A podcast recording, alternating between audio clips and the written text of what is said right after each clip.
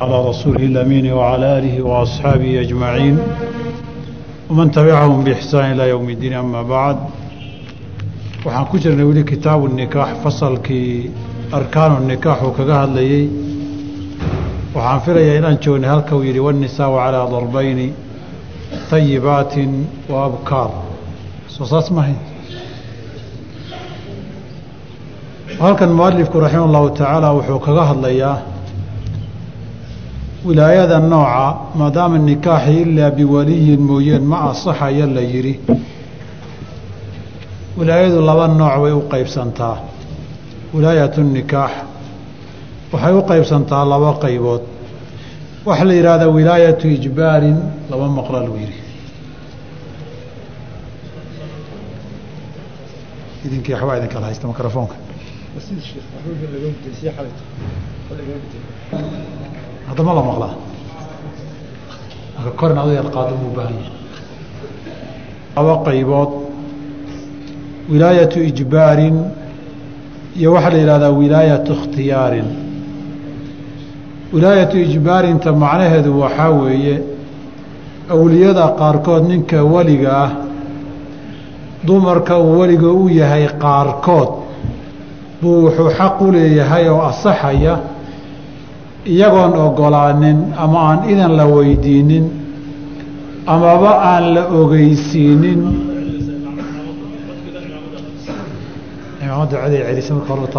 isagoon la waraysanin oon fasax laga dalbanin. Ciddii gabadha ahayd ee la meherinayey buu meherku asaxayaa. Taa keliya ma ahane iyadoo diidan oo mayale buu asaxayaa qaybna waa wilaayatu ikhtiyaarinoo ninka weli waa yahay taladase keligii kama go-do waa in lala ogaado oo gabadha khiyaarkeeda lama dhaafi karo. Waanisaau haweenku calaa darbayni laba qaybood weeye. Hayibaatin garoob iyo wa abkaaran. Ama hayibaatin iyo wa abkaarin gabdho iyo garoob weeye falbikru gabadha inanteen horay u soo guursan yajuusu lilabi waxaa u bannaan aabbaha iyo waljaddi awowga ijbaaruhaa inay ku qasbaan cala nikaaxi ay ku qasbaan wahayibu gabadha islaamta gabadha garoobta ahna laa yajuusu ma bannaana taswiijuhaa in la guuriyo ilaa bacda buluuqihaa markay qaan gaadha kadib maahane iyo wa idnihaa inay ogolaatoy shayadu caddaysato maahane halkan mualifku raxima allahu tacaala wuxuu u qeybiyey haweenkii gabadh iyo garoob haddaba gabadh maxay ku noqotaa? Maxayse garoob ku noqotaa? Waa masalo ay fuqahada muslimiinta iyo culimmadu xilligii hore iyo haddaba ay aada uga hadleen. Asalku waxaa weeye markii ilaahay subxaana wa tacaala ay gabadha ilaahay u abuuro wax waxaa jira la yidhahdaa bikaara. Kan soomaalidu ay tolmaha ay tiraahda ma aha bikaaraduna waxaa gudaha ku jira weeye oo xiran. Taas baa bikran loo yidhi oo bikaaradu waxaa xiran weeye. Walidaalika waa ka yidhaahdaan fuqahadu dhiig kastoo la daadiyaay dandhow wuu u baahan yahay ilaa damal cadraa'i gabadha bikradeeda dhiigga ka yimid markay jabto maahane oo si xalaala hadday ku jabto weeye ka iyagu waa dhiig la daadiyan oon dandhow lahayn kaasaa jira. Marka bikaaradu taasaa la yidhaahdaa. Hayibana waxaa la yidhaahdaa asalku midda ay bikaaradeedii zuushay ee burburtay baa la yidhaahdaa. Xaaladana culimmadu haddaba inay gabadh tahay iyo inay garoob tahay way isku raacsan yihiin. Xaaladana way isku hayaan gabadha bikaaradeedii hadday zuusho bisababi jimaacin hadday ku zuusho nin ay galmi iyo xiriir gogoleed hadday ku zuusho ama xalaal ha noqdo ama xaaraan ha noqdee xukumka sharciga hayiba wey.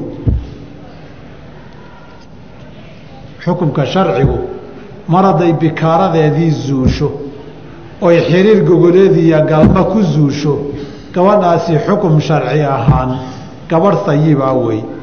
Ama sidaa ay u zuushay ha loo daayo ama dib ha loo soo amaamudoo loo talo loo diyaariyo.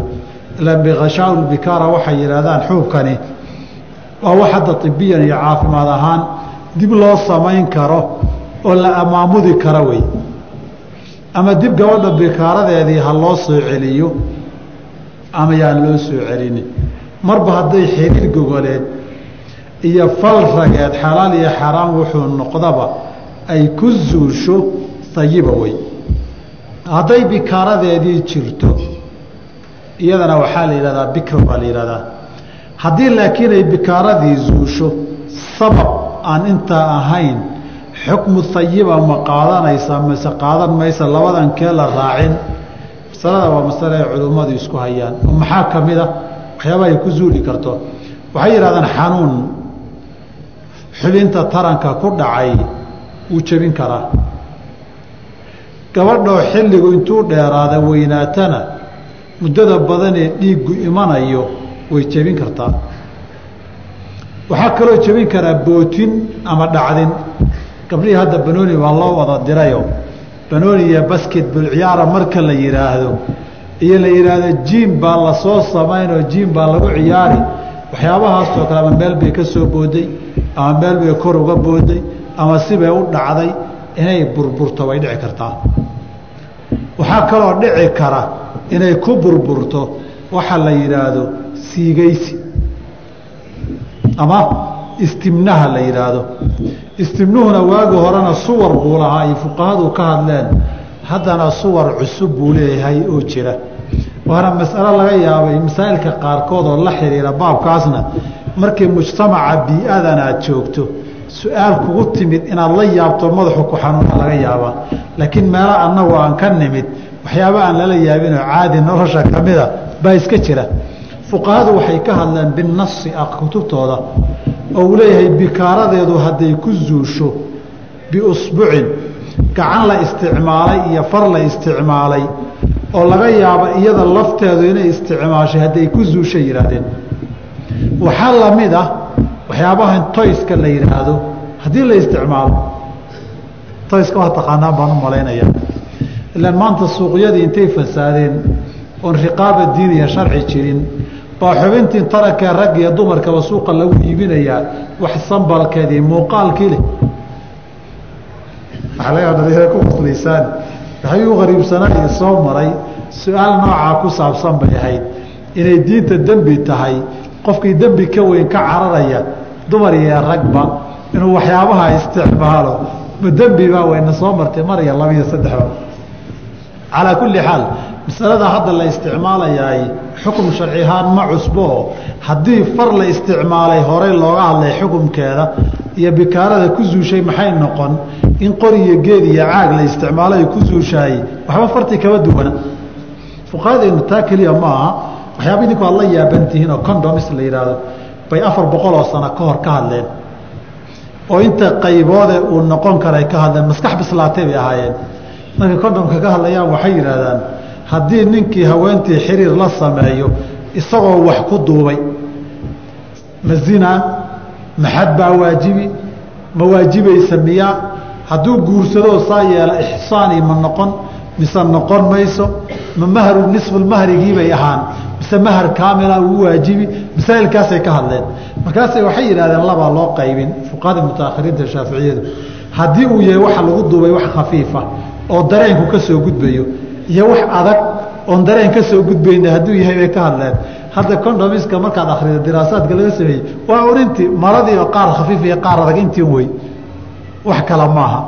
Tiin baa caag laga dhigay qaabaa farsamada la yar hormariyey qaarna khafiif laga dhigay qaarna la adkey waa isla maradii ay ka hadlayeen oo haddana si kale loo horumariye weya nolosha. Marka waxyaabahan fuqahadeenu hore bay u taabteenoo waaqic bisil iyo maskax bisil oo maxaa dhici kara sawirata? Bay lahaan jireen raxmat ullaahi calayhim marka waxay ka hadleen gacan la isticmaalay ay ka hadleen. Qaarkood waxay ka hadleen qori iyo geed haddii la isticmaalo haddii hadda caag la sameeyo soo iyagii un maaha wax kale maaha soo maaha qaarkood waxaan xasuustaa waxay ka hadleen haddii caaji la isticmaalo. Lafmaroodiga waxay dhaheen haddii intii waxaan xaganaynin laga dhiga la isticmaalo. Diintu maxay ka qabtaa waa xilli dhowr boqoloo shan boqol lix boqoloo sano laga joogo. Idina waxaad moodaysaan masaa'ilkan fiqiga hadduuba waxaan soo baxo wadaad cusub oo hadda odoroso oo raaraadiya maba u baahna. Ninkii faahfaahin baabka aada u badan rabaaye risaaladan dictooradee alitisaalu ljinsi bilwasaa'il ibiyati alxadiida kitaabka la yihahdo ha akriyo waa kitaab ilaa boqol iyo konton beeja waxyaabahaasun ka hadla.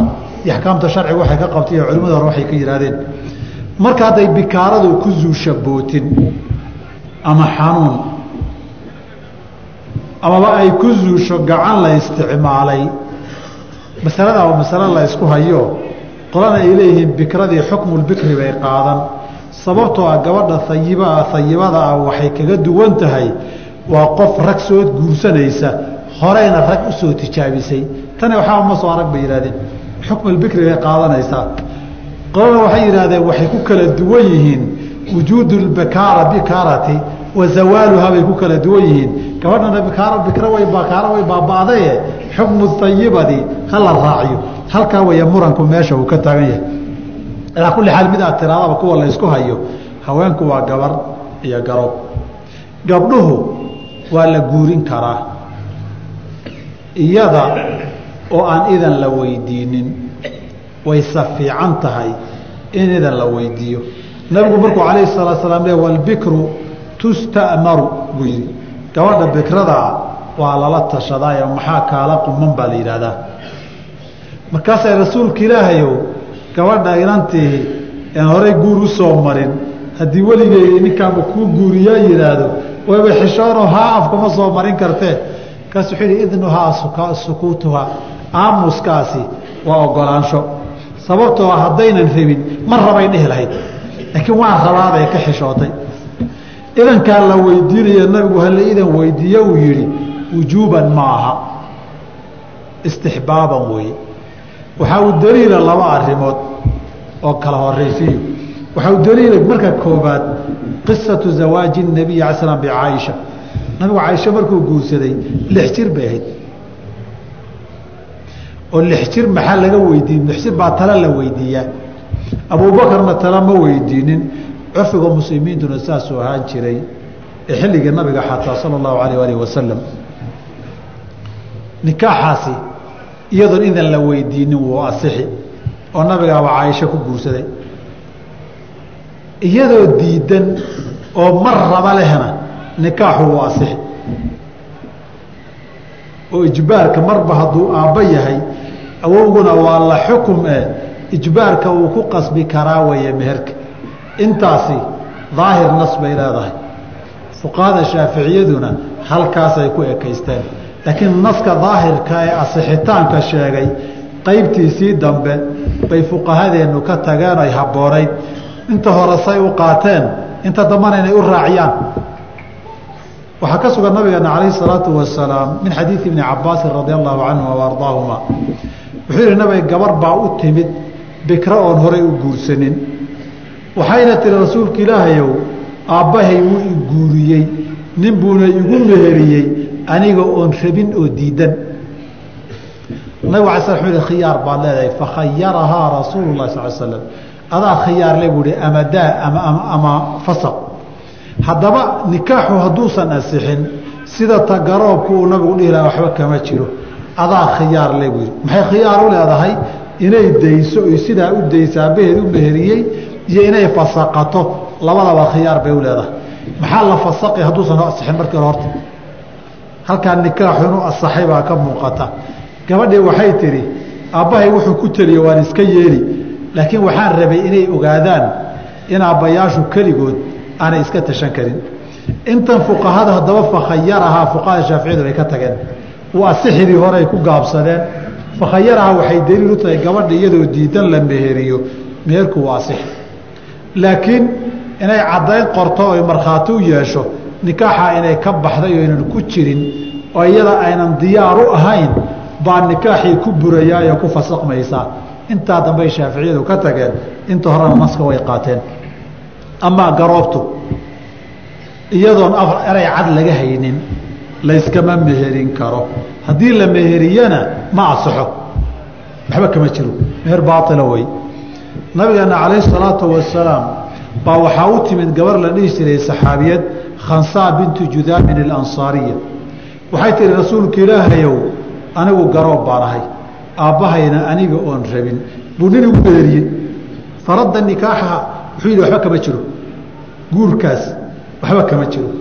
Waayo wuxuu xadiid kalena ku yidhi gabadha garoobta ah ahayibu axaqu binafsihaa min waliyiha. Haweenta garoobtii weliga go'aanka kama dambaystaa iyadaa kaleh oo waxaynan rabin kuma qasbi karo. Iyadu ninkii kufay keensatana looma diidi karo. Ninayna iyadu rabinna wuxuu dooni ha noqdee qasab looguma guurin karo. Sababtoo ragna way taqaanaa. Horeyna way u soo aragtay. Haddana way kala garan. Walidaalika ninkii yaqaana ama baabulqadaa iyo xaaladaha qoysaska iyo wax badan galay qofka markaad issoo hor istaagtaan isu timaadaan inay gabar tahay inay garoob tahay in badan su'aal uma baahnid su'aal uma baahna. Walidaalika qaadi shureyx waa kii saddex haweene horaan idinku sheegay ee la keenay. Ibnulqayimna uu ku soo guurinaya uruqulxukmiyati fi siyaasa sharciya. Qaraa-inta markuu ka hadlaya qaraa-in iyo astaamo in lagu xukumo. Saddex haweenkeed markay dhaqaaqeen wuxuu yidhi niman saddexdii baan idiin sheegay haweenkaa mid uur bay lahayd midna inan bay ahayd aan horey u guursanin. Midna garoob guurdoon ay ahayd. Waxaa la yidhi maxaad ku garatay wuxuu yidhi garoobka guurdoonka ah isha iga dusisay buui tan gabadhaana korba way fiirin weydo way foorartay buui midda kalena yaan lagu arkin bay lahaydoo maraday caloosha kor oga yar haysay buui sidii baa laga daba tegey sidii bay noqdeen qaadi sharaxuu sheegay marka qaraa-in iyo astaan baa jirto say gabari u xishooto islaan garoobihii ogama gabato waxay rabta iyo waxayna rabin. Waayo waxay ku socotana way taqaan. Waxa ka iman karana way taqaanoo horey waxaan u soo aragtay. Marka ceel nin galaa laga waraystaaye iyadaa wax laga weydiin saa darteed looma gacan dhaafi karo. Gabadhan laakiin yartiihii maanay araguur wax ka horeeyana ma garanayso. Saa darteed baa talada inta badan oo duqiyo waali weligeeduun gacanta isaga hayaayoo ha la weydiiyo. Laakiin awood badan aynan lahayn. Waayo waxaan maba oga iyadu. Intaa kadib wuxuu yidhi faslun. Fasalkana laba arrimood buu ku saabsan yahay. Arrinta koowaadii haweenka aadan guursan karine almuxaramaatu min annisaa'i la yidhaahdo qaybta labaadna waxa la yidhahdaa muhbitaatu lkhiyaari waxa khiyaarka qofku uu leeyahay ee rag iyo dumarba guurkii meherku dhacay haddii ay waxyaabahaas ay yimaadaan uu ka noqon karo xaqna u leeyahay nikaax inuu fasaqdo. Taasina waa qaybta dambe ee fasalka. Waalmuxaramaatu kuwa abad abidka xaaraamta ah binasi naska qur'aanka arbaca cashrata afar iyo toban wey way ka badan yihiin afar iyo toban laakiin inta qur'aanku sheegay afar iyo toban dumar ah weligaa intaad ifka ku nooshahay guur iyo xiriir guur idinma dhex mari karo. Waa taxriim muabad ah. Sabcun toddoba binasabi qaraabtinimiya dhalashay kaaga xaaraanti noqdeen. Wahuna toddobada alummu hooyada weeye. Wain calad korba ha aado ayeeye kora ha noqoto hadday rabtee waa usuushii adiga ku dhashay ee dumarka ahayd sina uma guursan kartid. Talabaad walbintu gabaraad dhashay iyo waxay sii dhaleen weeye ama adaa dhalay ama ilmahaagiibaa sii dhalay. Ama ilmahoodiibaa sii dhalay. Wain safalad haba hoosayso meel hoose haba tagte. Ta saddexaadi walukhtu walaal weeye. Ama walaal aabbiyo hooye ha noqoto ama aabbo keliya ha noqoto ama hooyo keliya ha noqotee walaashaana ma guursan kartid. Waalkhaalatu habaryartaa wey waalcammatu eeddadaa wey wa bintu lakhi walaalkaa gabadhuu dhalay eed adeerka u ahayd wey. Wa bintu lukhti walaashaa gabaray dhashayoo adabti u tahay wey. Toddobadaas qaraabtinimiya dhalasho nasab sababteed bay xaaraam kaaga noqdeen. Midnana ma guursan kartid. Midnana damac guur kaama geli karo. Intabana qur'aankaa lagu sheegayoo ilaahay baa suuratu nisaa ku sheegay xurimat calaykum. Waxaa laydinka xaaraantinimeeyey ummahaatukum hooyooyinkii wa akhawaatukum walaalihii wa banaatukum gabdhaha dhasheen wa akhawaatukum gabdhaha walaalihiina wa cammaatukum eedooyinkiin wa khaalaatukum habaryarihiin wa banaatu lakhi kuwaad adeerka u haydeen wa banaatu lukti iyo kuwaad abti u haydeen aayaddaasaa lagu soo ururiyey almuxaramaatu biاnasabi wahnaani labana biradaaci nuugmay hadday ku xaaraanti noqdaan. Hadday hooyadii ku dhashay qofaan ahayn ku nuujiso hooye ah. Shan jeerna ay ku nuujiso. Adiga oo aan laba sano ka weyneyn ama laba sano aan gaarin aan dhaho maa duuna alxawleyni adoon laba jir kuu dhammaystirmin. Hadday shan jeer ku nuujiso haweenaan hooyada ahayn booskii hooyadaabay kuu geli. Alummu lmurdicatu hooyada ku nuujisay ee nuugmada hooyada kuugu noqoteen ku dhalin iyadana xaaraan bay kaa noqotaa. Walukhtu walaasha oo min aradaaci nuugmada walaal kuugu ahna waxay kuu tahay iyadana maxram. Ma guursan kartid. Wa ummahaatukum ulaatii ardacnakum hooyooyinkii idin nuujiyey. Wa akhawaatukum min aradaacati iyo walaalihiinood naaska wada nuugteen caruurtii ay dhashay ama ha kaa horeeyaan ama ha kaa dambeeyaan ama ha kula ekaadaane gabdhaha ahaayee hooyada caanaheeda nuugay iyagana walaalaha weeyo xaraan bay kaa yihiin. Intaa qur'aankaa sheegay in kalena waa jirtaa oon qur'aanku sheegin oon dib ka sheegi doono. Wa arbacun afarna bilmusaaharati xididnimada bay ku xaaraan noqdaan. Reer aad xidideen xidid guurna idin dhex marayna afar baa xaaraan kaa noqota. Kow ummu zawjati xaaskaaga hooyadeed. Hadda xataa ay kaa dhimato ama aad kala tagtaan waa siday hooye kugu noqotay wey. Warabiibatu gabadha xaaskaagu ay dhashay ee nin kale u dhashay idaa dakhala bilummi hooyada haddii u galmoodo uu reeraysto. Wa zawjatu labi aabbaha haweenta uu qabo. Wa zawjatu libni wiilkaagu iyo ilmahaagu haweenta uu qabo. Kuwaana weligaaba ifka intaad ku nooshahay isma agmari kartaan. Walaa tankixuu maa nakaxa aabaa'ukum min annisaa'i ilaa maa qad salaf. Ilaadan tafaasiirta saxiixa waxaa ka mida bimacnaa walaa in laga dhigo. Ilaa maa qad salaf walaa maa qad salaf wixii horee tegay xataa ma sii qabi kartaan ay daahirka aayaddu noqoto. Marka aabbiyowgin haweenkay qabeen islaan aabbahaa guursaday oo reer u noqotay gadaashii ma guursan kartid.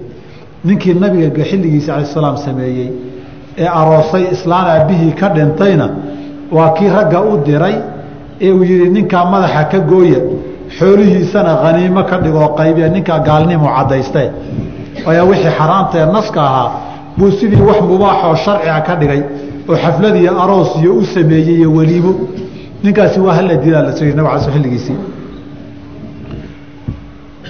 Waxaa kaloo la ilahi subana wa tacaala yidhi wa ummahaatu nisaa'ikum xaasaskiina hooyooyinkood waa idinka xaaraam. Bimujarad caqdi uu dhacay iyo meher dhacay gabadhaad mehersatay hooyadeed markaa meherku dhacayba way xaaraan noqon laakiin wa rabaa'ibukum kuwaad idinku soo barbaariseen allaatii fii xuju allaatii fii dakhaltum wa rabaa'ibukum allaatii fii xujuurikum idinku aada barbaariseen min nisaa'ikum ay dhaleen. Allaaimia muhta ayb warabaa'ibukum allaatii fii xujuurikum min nisaa'ikum allaatii dakhaltum bihinna haweenta aada adigu reeraysatay eed gogol iyo guri wada gasheen gabadhii ay dhashayna waa kaa xaaraan haweenta aada guursatay haddaba laba qof baa ku xeeran. Gabadhii iyadu ay dhashay inaad hooyada reer reeraysatay kaaga xaaraantinimo noqon. Laakiin meherkii markuu dhacay haddii wixii kula yar qumanaan waayo oo dib uga kala firayso gabadha waad guursan kartaa laakiin markaad iyada meheriso hooyadeed meherkaasay ku xaaraan noqotay. Amaa waxalaa'ilu abnaa'ikum xaasaska wiilashiinu ay qabaanna iyadana idinka xaaraam wey weligood. Intaa waa inta abadan inaad guursato xaaraamta ka ah ee qur'aanku sheegay. Intaan qaybta kafray tobnaad la gaarin qaybo kaloo waxaa jira iyaguna abadan xaaraamka ah qaybi ridaaca iyo nugmada ay ku timaadaayo hadalkiisa dambaan ku sheegi doonaa insha allahu tacaala. Qaybana asbaab kale ay ku yimaadaan. Waxaa kaloo wax ka mid a waxyaabaha licaanka markii uu ninkiiyo naagta dhex maro ee haweentiisii uu yidhaahda way gogol dhaaftay ama ilmahan ay iyadu caloosha ku wadaa anigu ma dhalin ee laysku qabsado hadday iyadii qiran weydoy inkirto baabulicaan baa furan suuratu nuur lagu sheegay waaladiina yarmuuna aswaajahum walam yakun lahum shuhadaau ilaa anfusuhum fashahaadatu axadihim arbacu shahaadaati billaahi. Afar jeer buu ilaahay ku dhaaran inahu la min asaadiqiin inay runtii tahay. Waana baabulicaan baab inoo iman doona wey. Markii labada mid walba shan jeer dhaarto midna xad laguma laha. Ilmihii hooyadii baa loogu abtirin labadan qof ee licaanku dhex marayna ifka hadday labadooda ka soo haraan meher isuma qabto isuma guursan karaan. Maxram isuma aha sida dadkii kale hadda la soo sheegay laakiin taxriimka muabadkeen weligii la isguursan karin bay tilmaam bay ka mid tahay. Wa waaxidatun midna oo qur'aanku sheegay min jihati اljamci in la jamciyo la mideeyo oo la isu geeyo la wada guursado baa la xaaraantinimeeyey. Wahiya ukhtu zawjati xaaskaaga walaasheed wey lakiin xaaska hadday kaa dhimato amaad kala tagtaan waad guursan kartaa walaasheed. Laakiin inta iyada aada qabto ilaahay baa wuxuu ihi waan tajmacuu bayna alukhtayni ilaa maa qad salaf. Waxaa laydinka xaaraantinimeeyey laba walaalaah inaad inaad kulmisaan ood reer ka wada dhigataan. Halkaa waxay culimmadu yidhaahdeen aayaddu hadday tihi laba walaalo ah xaasiya reernimo laguma kulmin karo laba suuro oo kaleeto baa iyagana soo gelaya. Inaad laba gabdhoodoo addoommo aho walaalo ah wada yeelato labadabana wada reeraysata lama ogola. In gabadh xorahood qabto walaasheedna addoon reer kuwa ay noqotona lama ogola. Laba walaalo ah lama kulmin karo fii xilli listimtaaci kuma kulmaan. Sidaas way aayadda sida tafsiirka culimo badanna ay qabaan madhabkuna masaa'ilka uu ka qabo. Laakiin ka waran awliyada iyaga ma loo ogol yahay laba walaalaha inay wada guursadaan. Shareecada wax ka baawar weyn oo qur'aanka ka awood badan oo laba walaalo ah meherkooda wada banayn kara in la wada guursada weligiin ma maqasheen anigu waxaa arkay. Oon aqaanaa nin soomaalidu weli ay u taqaano. Oo qabrigiisa meelo badan looga soo siyaarto oo loo soo safro. Oo laba walaalo ah wada qabi jiray. Waxaa la yidhahdaa soomaalidu ninkaa saddex jeer buu dhashay bay yidhahdaan u magacaabi maaye ninkii qisada yaqaanaa fahmiye. Saddexda qabiil ee soomaaliya iyagu u haysta haddaynay u waawen yihiin. Buu marna kan u dhashay wuu dhintay kan kalu u dhashay wuu dhintay.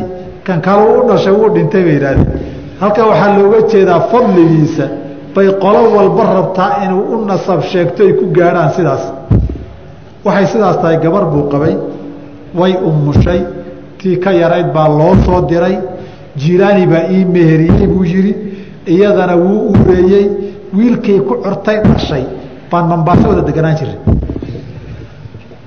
Oon aqaanaa wiilkii ay gabadhii war waa sidee markii la yihina jiiraani baa ii meheriyey jiiraani soo ka dhintay maaha. Laakiin waxaa isweydiin le horta gabadhan reerood jiiraani walaayadeeda yaa siiyey horta isaga weli uga dhigay. Sheekadu sheeka beena weeye jiiraanina muuna arag. Jiiraanina xokama yaqaani jiiraan waxu meerinini. Waa ninun fastakhafa qowmahu fa ataacuuhu. Ta saasay dadku ahaayeen dadkaa la maskaxaday caqligoodaa la maskax fudaydsaday iyaguna wixii bay aqbaleen. Fastakhafa waa yahay baa la leeyahay waan tajmacuu bayna lkhtayn qur'aanka yidhi warkaa wadaadku yidhi jiilaani baa ii meeriyey. Baa ka awood badan. Haddana ninkaa mujrimka ah baa weli la siilaya ee laba walaala wada qaba ee ilmaha ka wada dhalaya ba haddana weli laleeyahy soomaalidu qabiil walba barakaysta isku tirtiruu rabaa. Marka qur'aanka iyo sharciga wax ka weyni ma jiree. Waxayaan madaxa iyo caqliga laydinkaga xadin. Waxaa huhaada sheekadaanaya laydiin sheegi walaa yujmacu laysuma geeya guur bayna almar'ati haween iyo wacamatiha eedadeed. Waayo intay isku masayraan bay raximka iyo xiditinimadoodii gu iyo qaraabtinimadoodii. Walaa bayna almar'ati haween iyo wakhaalatiha habaryarteedna.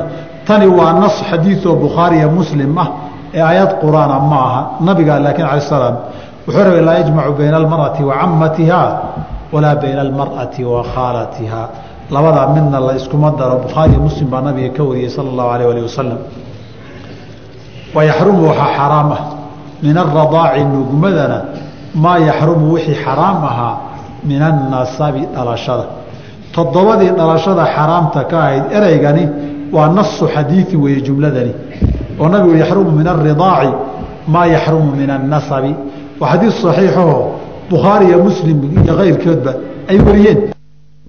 Ay ku dhashay intii iyada dhalintay ku dhashay darteed xaaraan kaaga noqon lahayd. Baa hooyo kale hadday ku nuujisana intii iyadoo ku dhashay kaa xaaraan noqon lahayd baa kaa xaaraan noqon. Iyadu waa kaa xaaraam wixii ay dhashay waa kaa xaaraam walaasheed waa kaa xaaraam hooyadeedu waa kaa xaaraam waxaa kaa xaaraama waxay habaryarta u ahayd ilaa aakhirihi kuwa habreed baatiin soo maaha kuwa xaaraankaa maaha marka nasabka toddobadii usuusheedana waa kaa xaaraam. Furuucdeedoo dhanna waa kaa xaaraam. Furuucda labadeeda aabba ay dhaleen aabbaheeda iyo hooyadeeda ay dhaleenna waa kaa xaaraam. Waayo iyada iyada aabbaheed gabadha uu dhalay habaryartaabay noqon. Ta ay hooyadeed dhashayna habaryartaabay noqon. Intaba haddaba ninkiina waa sidoo kale haweentaas ku nuujisay xilligay ku nuujinaysay ninkii qabayna aabbu kuu noqon. Oo abuuka min aradaacati buu noqon. Waana tay fuqahadu u yaqaanaan labanu diri labanu diri waxaa la yidhaahdaa hooyada caanaheeda nuugtay ninkii qabayaan aabbaha ahayn baa la yidhahdaa oo iska adeerka ah. Isagana waa aabbaha booskiisuu tegey walidaalika caaisha radi allahu canha haween baa nuujisay. Ninkii haweentaa qabay walaalkii baa guriga ku soo garaacay. Markaasay diidday inay ka furta ilaa nabigu yimaado. Nabigay tiri ninkii hooyadii inuujisay ninkii qabay walaalkiibaa iisoo garaacaye miyaan ka furi karaa markaasuu yihi ha waa camuka min aradaacati adeerkaa wey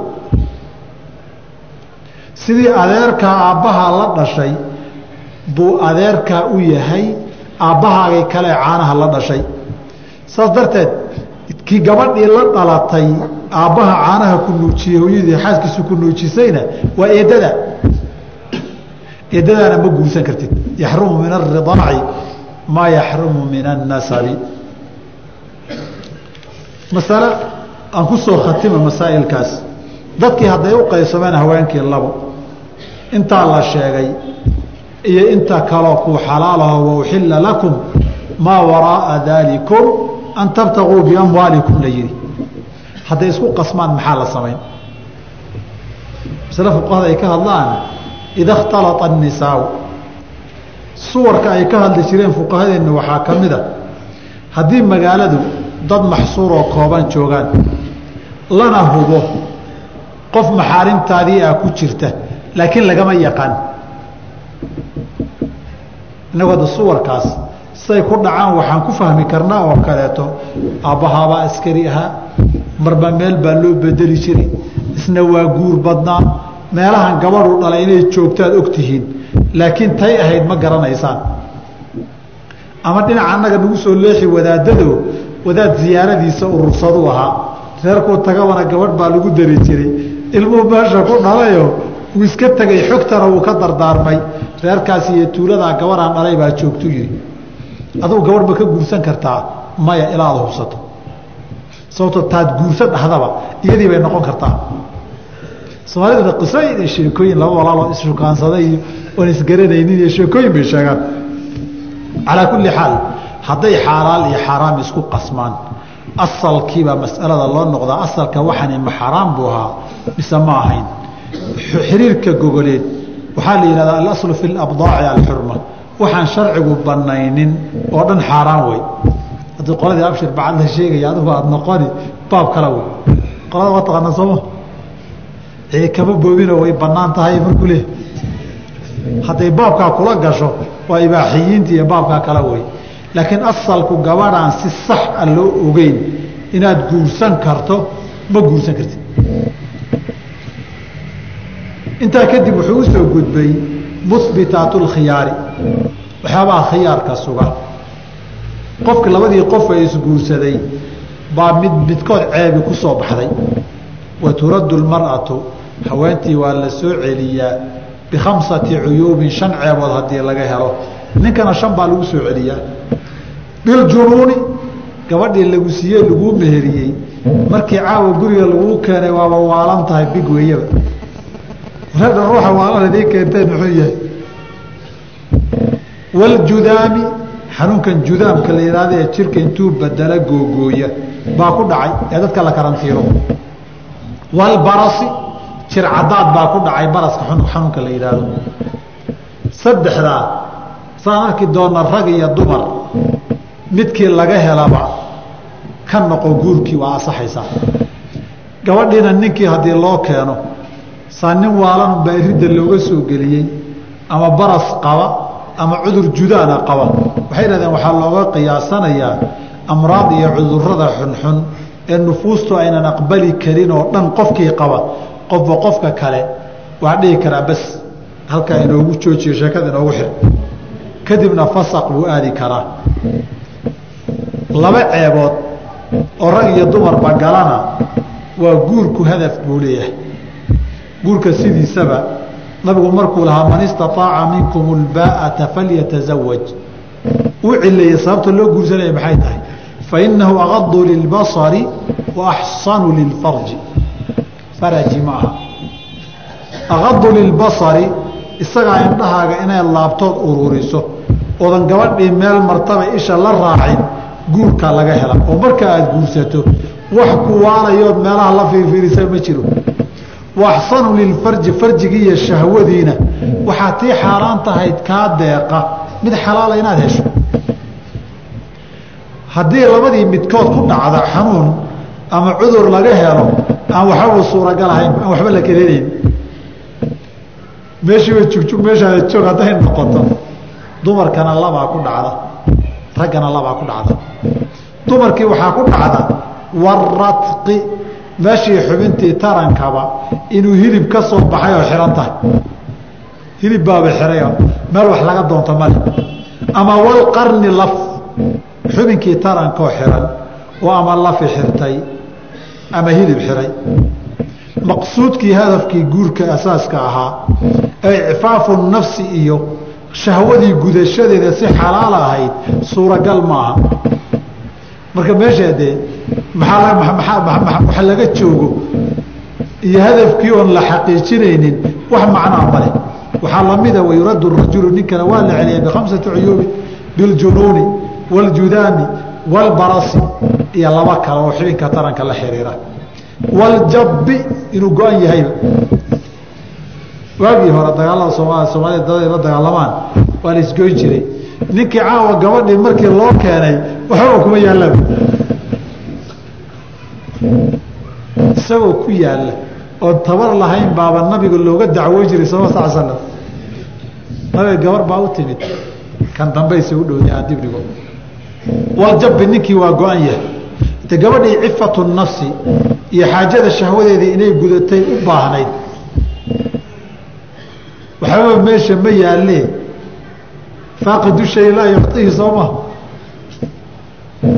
Ninkaasoo kale gabadhu inay alaabteeda qaadato xaq bay u reerkoodii iska aado. Oy tirahdeen de ninka warqadayda ha layga keeno waxba meesha kuma haya laba walcunnati inuu ninkii cini noqdo jabbiguna waaba go-an yahay xubinkii taranka. Ama qayb baa go-an oo waxa soo haray wax wax qabanayo hawl iyo baahi dabooli kara ma aha.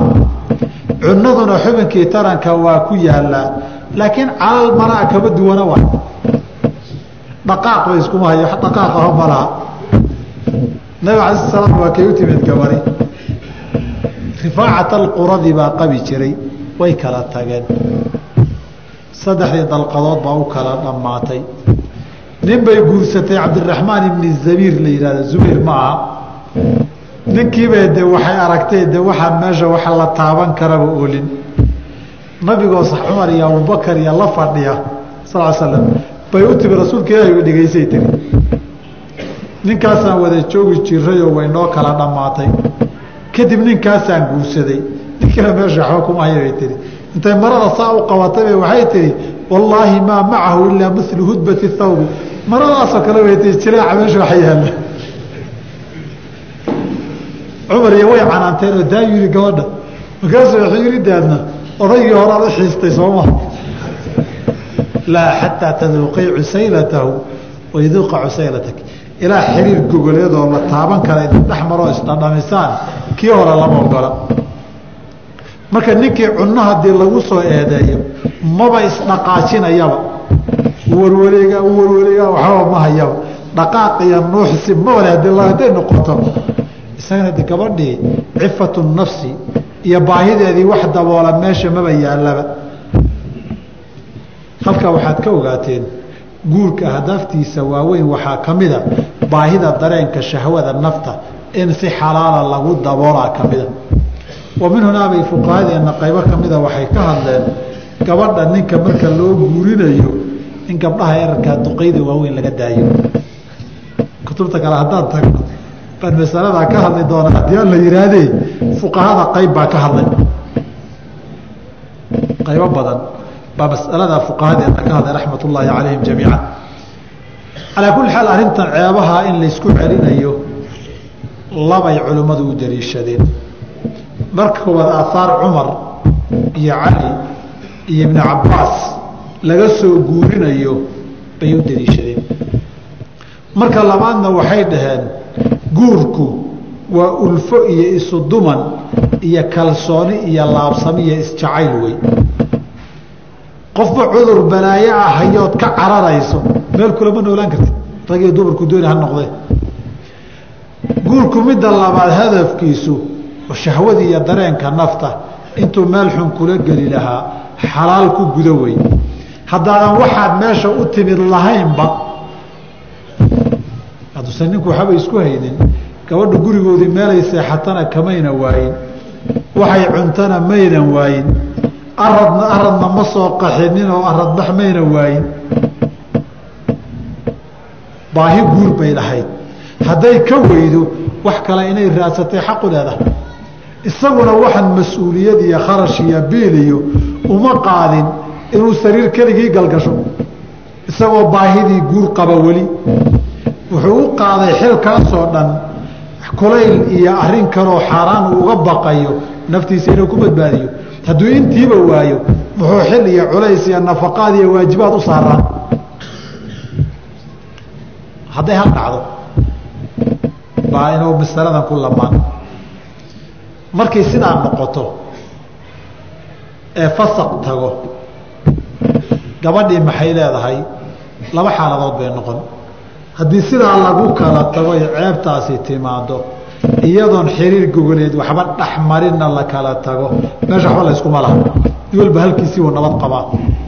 Haddiise ninkii iyo haweentii xiriir gogoleed dhex maro markaa macnaheedu dhibku xagga ninka kama socdee xagga haweentu ka socdaa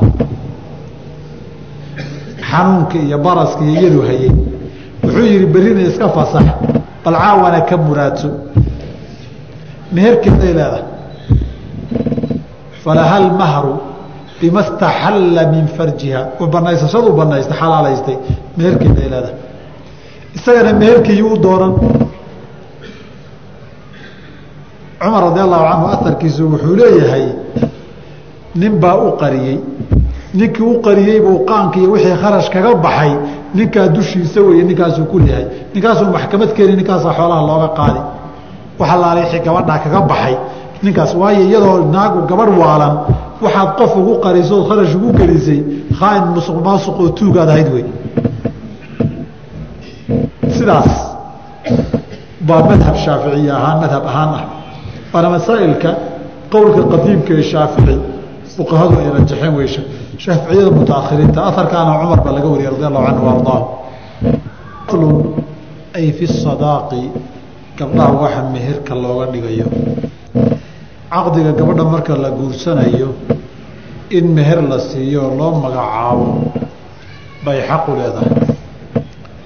Guur kasta oo la guursanayo iyo caqdi nikaax kasta oo dhacana meher baa ka waajiba ilaahayna wuxuu yihi wauxilla lakum maa waraa'a daalikum an tabtaguu biamwaalikum inaad ku dalabtaan maalkiinaa la idinku xalaaleeyey haweenka xaaraamta idinka ah wixii ka badan xalaalayntii waxaa lagu xiray in gabdhaha meher iyo sadaaq ay leeyihiin wayustaxabu laakiin caqdiga markuu dhacayo in la sheega waajib ma aha waayo haddaan la sheegin iskaaba isagaaba iska waajibi wayse wanaagsan tahay.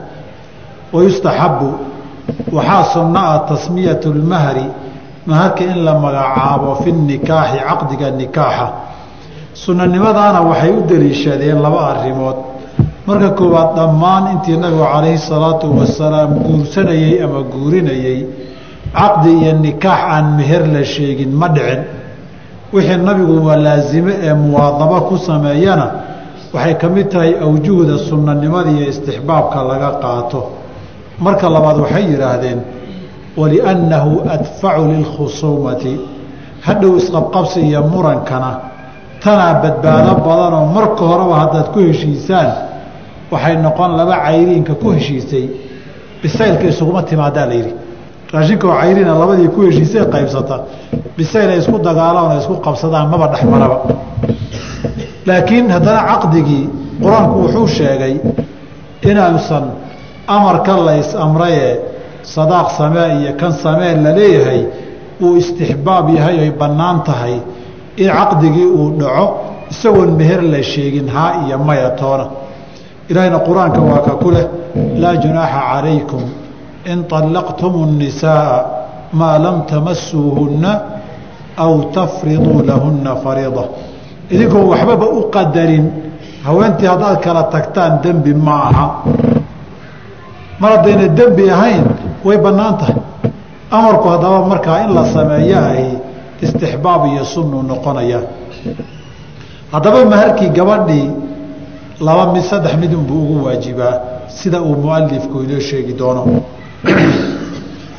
Fain fain lam yusama haddii aan la magacaabin saxa alcaqdu caqdigii iyo meelku waa asaxayaa nasan wa ijmaacan sidaan bayna fuqahada muslimiintu isku wada raaceen oo ay ku ijmaaceen oo wajaba almahru maharku waa waajibaa markaasaan la magacaabin bialaaati ashyaaa saddex mid buu ku waajibayaa marka koobaad an yafridahu zawju ninku inuu qadarooga xukumo calaa nafsihi naftiisa dabcan gabadhuna ay aqbashoy ogolaato intaasaan kaaga dhigayaa meherkii inuu yidhaahdoy ogolaato taasi wuu ku asaxaa meherkii intaa uu qadaray iyaduna ogolaatay baa waajibaysa. Talabaadii aw yafridahu اlxaakimu ama qaadi uu xukumo oo yidhaahdo gabadhan meherkeeda intaasuu noqonayaa taasina meherka waa ku waajibaa. Waxay yidhaahdeen waxaa asal u ah gabadhii nabigu u timid calayhi salaatu wasalaam ee nafteeda rasuulkii u hibaysay markaasuu wuxuu yidhi anugu hadda xilligan guur iyo haween uma baahni. Nin bay rasuulka ilaahayow haddii aadan adigu baahi aadan rabin anigaa rabe gabadha igu dar buu yidhi. Markaasuu wuxuu yidhi orodoo waxaad soo raadisaa. Waxaad meher uga dhigta soo raadi. Ninkii muddou maqnaayo uu soo noqday. Waxba waan soo waayey buui waxaan meher uga dhigo fara kuma hayo. Markaasuu na war orodoo soo raadi faraati bir ana ha noqdee orod wax soo dayday. Waa soo daydayeyo isna waa soo waayey.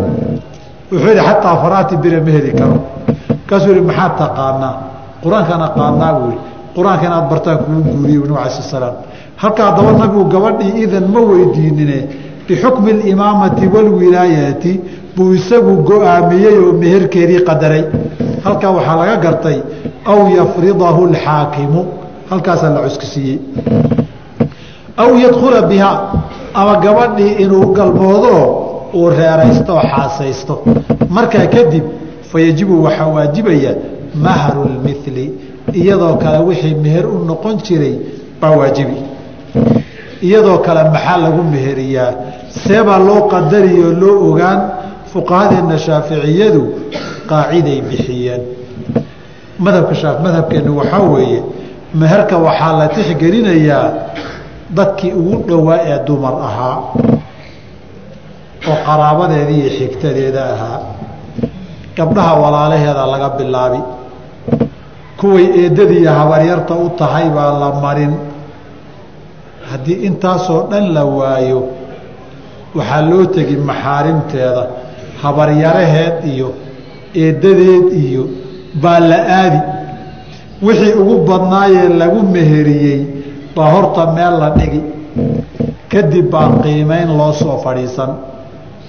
Dadkii gabadhani waxay dheer tahay oo ama caqli ah ama quruxa ama aqoon ah oo ay dheer tahay ma jiraan. Siintan loo kordhiyo waxoogay loogu daro. Mise kuwan way ka wadeer hoosaysaayo waxbaa si ka oo sibay handhikaa meel uga tahay si intaa looga dhimo bay dad caadiliina fiirinayaan. Hadday dadkii ka wada wada dheer tahayna intoodii baa kor looga yar qaadi. Hadday ka yaraa hoosaysana hoos baa looga dhigi. Hadday iyagii uu ku dhex jirtana intaas loo badan yaha loo dayn. Qaabkaasaa loo qadarayaayo loo tixraacayaa xaqa isku qabsigiisa bay culimmadu yidhaahdeen. Ma gabadh baa ma garoo baabaa saamayn yeelan gabadh ma xoolay haysato xoolaa lagu guursaday mise xoolo ma haysaninoo iyadaa la biilayaabaa qayb ka qaadan waxyaabo badan baa qayb ka qaadanaya oo wixii sifaadka markii intaa la soo ururiya ka qayb qaadanayso waxay yidhaahdaan sifaadka iyo tilmaamaha loogu xishee lagu guursada gabadh inta hadday iyaga intii hore wax dheer tahayna waxbaa loogu dari hadday wax ka dhiman tahayna waxbaa laga dhimi halkaasaa mahlulmaliga marka la tix raacayo loo raacaya masaladaas mahlulmaliga saa in la yidhaahdo haweenkaa la eego asal sharciga ma leedahay nacam haa abu daawuud iyo ibnu maajah iyo keyrkii iyo tirmidi waxay wariyeen. Min xadiidi ibni mascuudin radia allahu canhu wa ardaahu in la weydiiyey gabar nin mehersaday. Aan gobol la gelin meherna u magacaabin baa ninkii geeri ku timid. Gabadhii maxay leedahay baa la yidhi wuxuu yidhi lahaa mahru nisaa'ihaa wa calayha alcidda. Marba geeri hadday timid ciddadii arbacata ashhurin wa cashran bay geli. Haweenka reerkeeda meherkay lahaydna meherkii lagu meherin jirayna waa la siin. Ibnu mascuud markaa waa ijtihaaday waxaa istaagay nin macqil ibni sinaan ilashjaci la yidhaahdo wuxuu yidhi waxaan markhaati ka hoon ku dhaaranayaa in sida aada xukuntay tan oo kale lafteeda gabar annaga naga dhalatay reer ashjac oo birwac binti waashiq la dhihi jiray inay sidan oo kale ku dhacday oo nabiga loo keenay oo nabigu sidaad xukuntay uu xukumay. Waxaa la mascuud weligii maalinkaas ugu farxay oo kale uma farxin. Masaladii uu ku ijtihaaday baa naskii nabiga xukunkiisii waafaqay sal arrintaas waa ugu farxay. Haddaba xukunka nabiga ee waafaqay wuxuu ahaa lahaa mahru nisaa'iha. Haweenka ay ka dhalatay meherkeedoo kale leedahay maadaama waxba loo magacaabin. Halkaasaa mahrulmaligana asal u loo daliishaday oo culimmadu ay geliyeen raxmat ullaahi calayhim walaysa ma ahaanin liaqali sadaaqin maharka kan ugu yar walaa liakarihi kan ugu badan xaddun xad go-anoon la dhaafin karinna ma laha xad aan laga yarayn karinna ma laha. Amaa xad aan la dhaafin karin inuusan lahayn waa nas iyo ijmaac. Ilaahayna qur'aankiisa wuxuu ku yidhi wa aataytum ixdaahunna qintaaran. Midood haddaad meher u siiseen maalbadaan xad looma yeelin waana itifaaqu fuqahaa'i. In akaru lmahri uusan xad lahayn. Laakiin waxaa wanaagsan waxay saas tahay inaan aada loogu talax tegin oon la badinin. Baa wanaagsan. Nabigana ala slam waxaa ka sugan inuu yihi ina min yumni اlmarأati taysiiru khibatiha wa taysiiru sadaaqiha wa taysiiru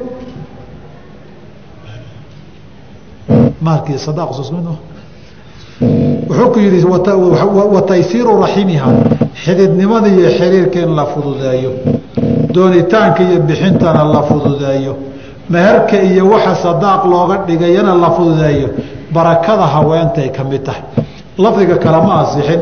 Acdamu nisaa'i barakatan aysaruhuna maunatan. Xadiidka isagu lafdigaas ma asixin kan kalea xasan oo asaxay waxaana cumar ka soo radi allahu canhu ardaahu inuu leeyahay war meherka haka badbadinina hadday sharaf tahay. Nabiga calayhi salaatu wasalaam baa gabdhihiisii wax badan ku meherin lahaa waxaasi sharaf maaha. Midna ogaada oo laba ruuxoon israbin xoolo meheroo la magacaabay iskuma hayaan.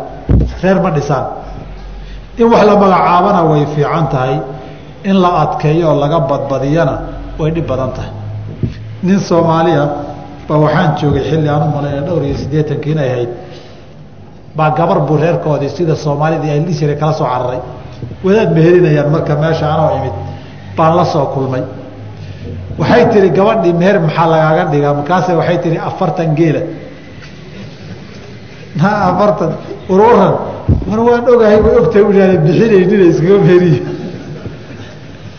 iyadoo lafteed magac bay ka rabtay naa wax ka dhin baa la yidhi. Markaase waxay tihi erey intay sheegtay ninka qabiilkiisii? Qabiilkiisa yaraha yasaysaa annaga ka yar qabiil fiican bay leedahay. Reer hebel gurso afartanna ka yarayso. Suuragal maaha bay tii nin kalena waxaan joogay labaatan kun oo doolarna intaan galbeedka joogay baan la kulmay waxaa ihi maa ka daysay gabar ay labaatan kun. Isagaba inuusan isiinayni waa ogahaye magacaan ka rabaabay tihi magaca. Labaatan kun baa lagu meheriyey baan rabaabay tii marka muuqaalaadka saas oo kaleeti guurka unbuu dhaawacaayo xataa gabdhaha raggay guursan lahaa inteed ka keeni uu leeyahay labaatan kun iyo afartan geel. War waxaa naga daa guurkii dhallinyaradii inay ka cararaan bay keeni. Markii guurku yaraadana gogoldhaafka iyo luuqyo wareegu inuu bato. Mar kastood guurka adkaysaan zinadaa albaabo cusub jeexa. Ciyaalkii da'yartii haddaan guurka intii la dadejiyo la fududaynin dariiqyo badan oo xaaraanay jabsan. Ninkii magaalada jooga xilli fidadkii ana meelaha mara ama meelaha halkaasoo magaalada ah soo maraana da'yar badan oo soomaaliyeed oo dariiq xun hayso oo dumar iyo rag isugu jiro arki. Ninkii dhakhaatiirta la sheekaysana dhabanahan buu qabsan waxaa qayb weyn waxaa ka ah. Guurka xalaasha ee la adkeeyey baa wax weyn ka ah. Markii dhallinyaradii guur lagu adkeeyey diin badanoo celisana aynan jirin. Dareenkii iyo baahidiina ay qabaan dariiqii saxda ah la xirye mid xun in lagu sameeyo baahida lagu gudo wey qaasi waa qadiyad waalidiinta u taallo. Intaad guur degdega ka cararayso ilmo wacaliyusa irinta kaaga soo geli. Arrintaas haloo fiirsado lacalla mar ka hadla laga yaabaayo. Amaa sadaaqa kan ugu yar xad inuusan lahayn xaddaa waxay ula jeedaan fuqahadu inuusan lahayn weeye. Intaa lagama yarayn kara la dhihi maayo. Laakiin wixii maxmaala ama manfacala waa inuu noqdaa. Inaan xadda ugu yar waxba loo goyn karin. Nabigaaba yihi calayhi salaatu wasalaam walow khaataman min xadiidin. Faraati bir ana noqde. Halkaa waxaad ka garatay wax yar baa noqon kara intaan galbeedka joognay masalada meherku gabadha loo magacaabayo waxyaabihii mashaakilku naga qabsadeen bay ka mid ahayd. Kuwii soo islaamayey muslimiintu way yaqaanaan. Tii soo islaamtay markay nin isguursanayaan ee meher sii la leeyahay maxay tii meher muxuu yahay bay leedahay? Aniga isagu waa isu baahan tahay. Waxa isaga keligii wax bixi loo leeyahay. Masaladaa fasiraadeedu wax badan bay naga qaadatay iyo wareer way fahmi leedahay wax isaga wax bixi loo leeyahay. Maxay tahay sababtu keligii? Ma keligiibaa baa guurka baahidiisi iyo dantiisaba keligii baa wada iyaguna reerkoodee dee mushkilada galbeedku qoys ma jiro. Laakiin waa iskaabula shirkad wada degan wey ninkiiyo naagtu. Iskaabula waa idinkaga sheekeeye biilka way isku darsadaan. Kirada way wada bixiyaan. Raashinka iyo nadaafada guriga way ku maalmaystaan. Oo laba iskaabula wada deganoo biilka isku darsatay wey saa darteed nin walba dhinaciisa waa inuu isdabara dhaqanka iyadoo taqiinay ninkaa wax walba laga rabaa wiliba meher inugu dara weeye. Waxay ku leedahay hariib wey maxaad uga jeedaan? Meher sheega markuu leeya wat meher? Horta sheega inay wax qabsato waxaa ka horeysa horta inuu waxaan jirin aad u qanciso meeshii meerkuu la fadhiyaa dood dheer baad gelaysaan horta. Markaad waagi dambe waxaan dhihi jirnay wareedh haddaad soo heshiiseen intaydan meesha noo keeni wakti hanaga dhumina ka soo dhaadhiciya u soo sheego u soo waramo meher waxa la yihahdaa jiro. Marka qolana cirka isku shareerayaan oo boqol kun bay leeyihiin. Qolana waxa yara xataa toban dollar haddii la yidhaahdo maxaa laga rabaa bay leedahay? Way garan leeyihiin wax muxuu yahay waa la yaabayi halkaas adduunka la kala maraya allahu mustacaan intaa ugu yar laakiin waana wax maal noqon karo cayna inuu yahay ama wax manfaco la taaban kara yeelan kara waa inuu yahay sidii qur'aankii. Laakiin qur'aan marka lagu qur'aan la barto marka laga dhigaya meher way asaxaysaayo nabigaaba sameeyey calayhi salaatu wasalaam. Laakiin fuqahada shaaficiyada madhabkani laba shardi baa ku xihan shardiga koowaad waxaa weeye waa waxaa la barayo qadar waxoogay dhib iyo culays ku jira waa inuu yahay hal aayad bar alxamdu lilaahi rabbi alcaalamiin keliya bar meher ma noqotay leeyihiin.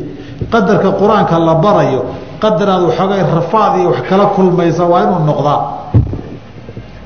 Shardiga labaad waxaan la baraya waa in la og yahay. Ama muddo lagu ogaadaa ama qadarka la baraya la ogaadaa. Juz suurat lbaqara laba juz toban juz labaatan juz. Inta la baraya waa inay cadday. Haddii kale muddo waa in lagu xadeeyo baabulijaaray geliye bil inuu qur'aanka baro wey marka iyada wax alaale waxay doontay sheegatuu bari muddo haddii lagu a iyadaa go'aaminaysa wax la barayo. Wayajuusu waxaa bannaan an yatazawajahaa inuu guursado calaa manfacatin macluuma. Manfaco la yaqaanoo la garanayo. Manfacadii xaj baan ku geyn wey waan ku cumraysiin weeye waxaa ka mida qur'aan baan ku bari xirfad kalaan ku bari combyuutar baan ku bari af ingiriis baan ku bari xisaab baan ku bari wax cilmi iyo manfaco ah waa lagu guursan karaa. Fuqahadeenna hal masale ayaad isugu qabteen marka. Ninku hadduu haweentii guursado oo meherkii waxaan kaaga dhigay uu yidhaahdo inaan kuu khaadimoon kuu adeego. Masaladaa ma asaxaysaa ba yidhahdeen mase asixi mayso inaaduu gurigaa iska joogto oon cuntadan uu soo kariyo oon dharka soo dhaqo oon soo xaaqo masaladaasaa muran badan fuqahadeedna ka dhacay. Qolada diidan baa waxay leeyihiin manfacadani waa manfaco ka hor imanaysa mas'uuliyaddii ninka saarayd ninku waxay ahayd biilka isagaa laga rabaa